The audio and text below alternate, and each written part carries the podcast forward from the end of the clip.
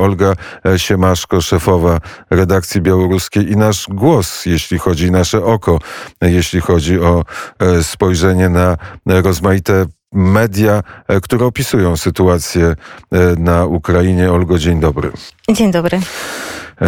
Czy wojska białoruskie są, czy ich nie ma? To jest takie pytanie może trochę retoryczne, bo właściwie z punktu widzenia wojny to może jest obojętne.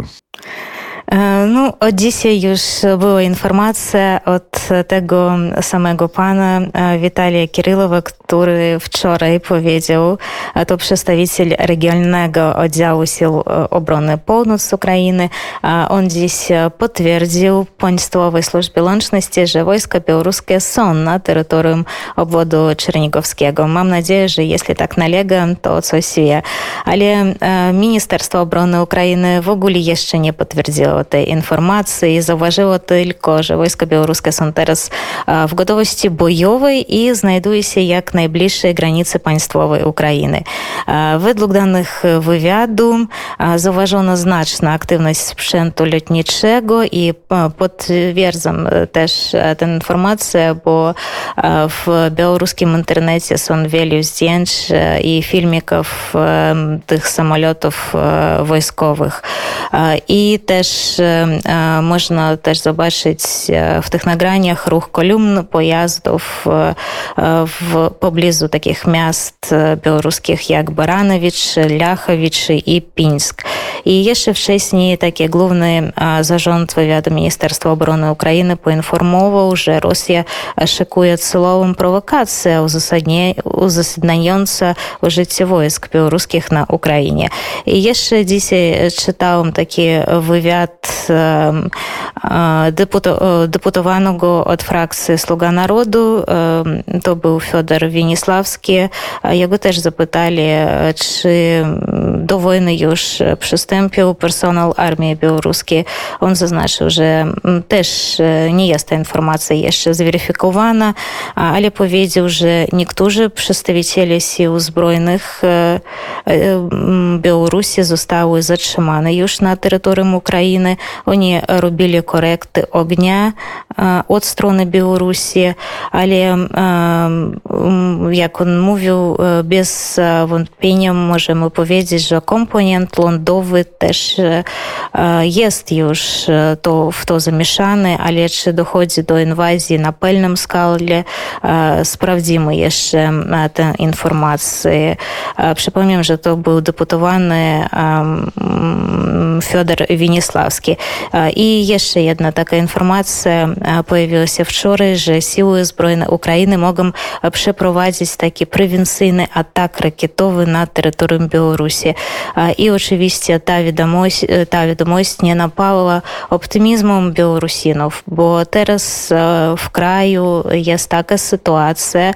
Не можемо повідомити, що то є така паніка, але вілю білорусінов спробуємо зараз опустити край і Аліністети не маем такої можливості, э, бо повім, що teraz на Білорусі існує такий э, заказ опущення для беларусінов ще э, то триває від часу коронавіруса для беларусінов не можна э, беларусі не э, не могам teraz выезжаць з э, краю тільки могам то зробіць з картам побыту інnego краю і то можна зробити тільки раз на Є ще таким документом може бути умова о праці, і моїм зданням є ще студэнці так могам вольна подорожоваць остатнія обывателі краю не могам опушчаць бюро Беларусь oczywiście wcześniej to można było zrobić jeszcze przez granicę ukraińsko-białoruską, ale teraz ten kierunek jest też zamknięty. Jednym takim możliwym kierunkiem jest Rosja, ale są niuanse. Można powiedzieć, że na przykład ten ruch lądowy с Беларуси до России есть фактично забронёны. Не можно выехать с Беларуси до России самоходом чи автокаром. Можно только то wszystko zrobić pociągiem. I oczywiście, że biletów na pociągi do Rosji, do rosyjskich miast teraz na Białorusi już nie ma. I jeszcze jedna taka możliwość to zrobić samolotem, ale Dzisiaj widziałem, że koszty na samolot to około 600 dolarów to w jednym kierunku. E, a jak wygląda? E, informacje są takie.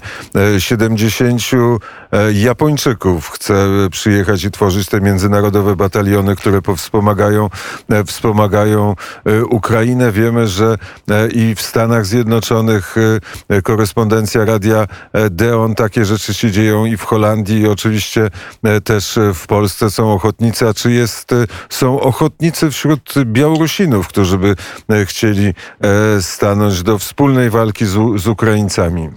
Tak, oczywiście e, mamy e, takich ochotników e, i oni są nie, oni nie są teraz na Białorusi.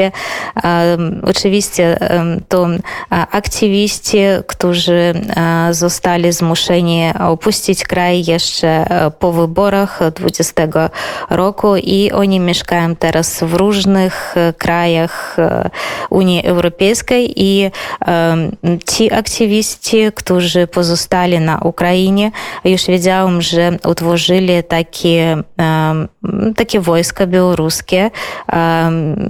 Wczoraj była informacja, że tam już 40 osób, ale na przykład jeśli takie aktywiści chcieliby przyjechać na przykład do Ukrainy z Polski, to nie mogą tego zrobić, bo jest taki zakaz wjazdu ze strony Ukrainy.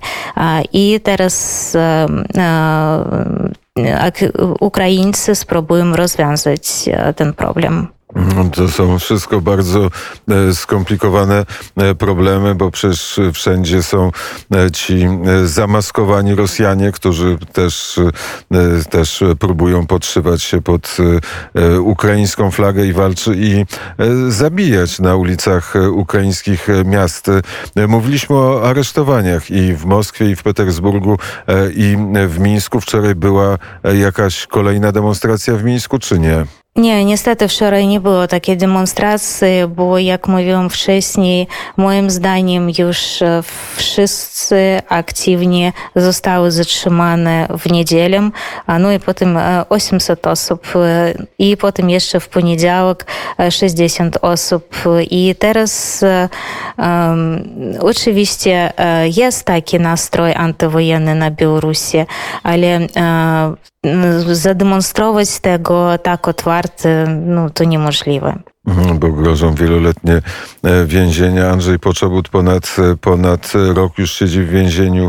E, inni siedzą w tych więzieniach białoruskich i półtora, półtora roku, a może tak, półtora roku to jest taki naj, naj, najdłużej siedzący dziennikarze. Coś, Olu, chcesz dodać? A tak, chciałabym jeszcze powiedzieć o tych negocjacjach rosyjsko-ukraińskich. Tak, e, ta ostatnia informacja, która była, bo wczoraj e, białoruska strona powiedziała o tym, że czeka na takie negocjacje. Taka druga runda powinna była odbyć się na granicy białorusko-polskiej. E, I ze strony białoruskiej wczoraj było takie potwierdzenie od politologa Юрия Воскресенского, и он też powiedział, że delegacje już przybywają na terytorium Białorusi. Ale nie wiedziałam żadnych informacji od rosyjskiej strony z potwierdzeniem tego i już w nocy było takie oświadczenie prezydenta Ukrainy Władimira Zelenskiego, który powiedział, że że on w ogóle tak da, dał 1%, że mogą się ponownie spotkać delegacje i on też według niego, aby rozpocząć taką merytoryczną negocjację z Federacją Rosyjską, koniecznie jest, aby rosyjskie siły okupacyjne przestali bundować ukraińskie miasto. I tylko w takich warunkach, podkreślił Zelenski, możliwy dialog. A według dzisiejszych wiadomości oczywiście nie widzieliśmy tego bombardowania e, trwają. Olga e, Siemaszko na stanowisku w Wilnie, szefowa redakcji e, białoruskiej albo redakcji wschodniej Radia, Departamentu Wschodniego Radia Wnet. Bardzo serdecznie dziękuję za Dziękuję również. Do usłyszenia.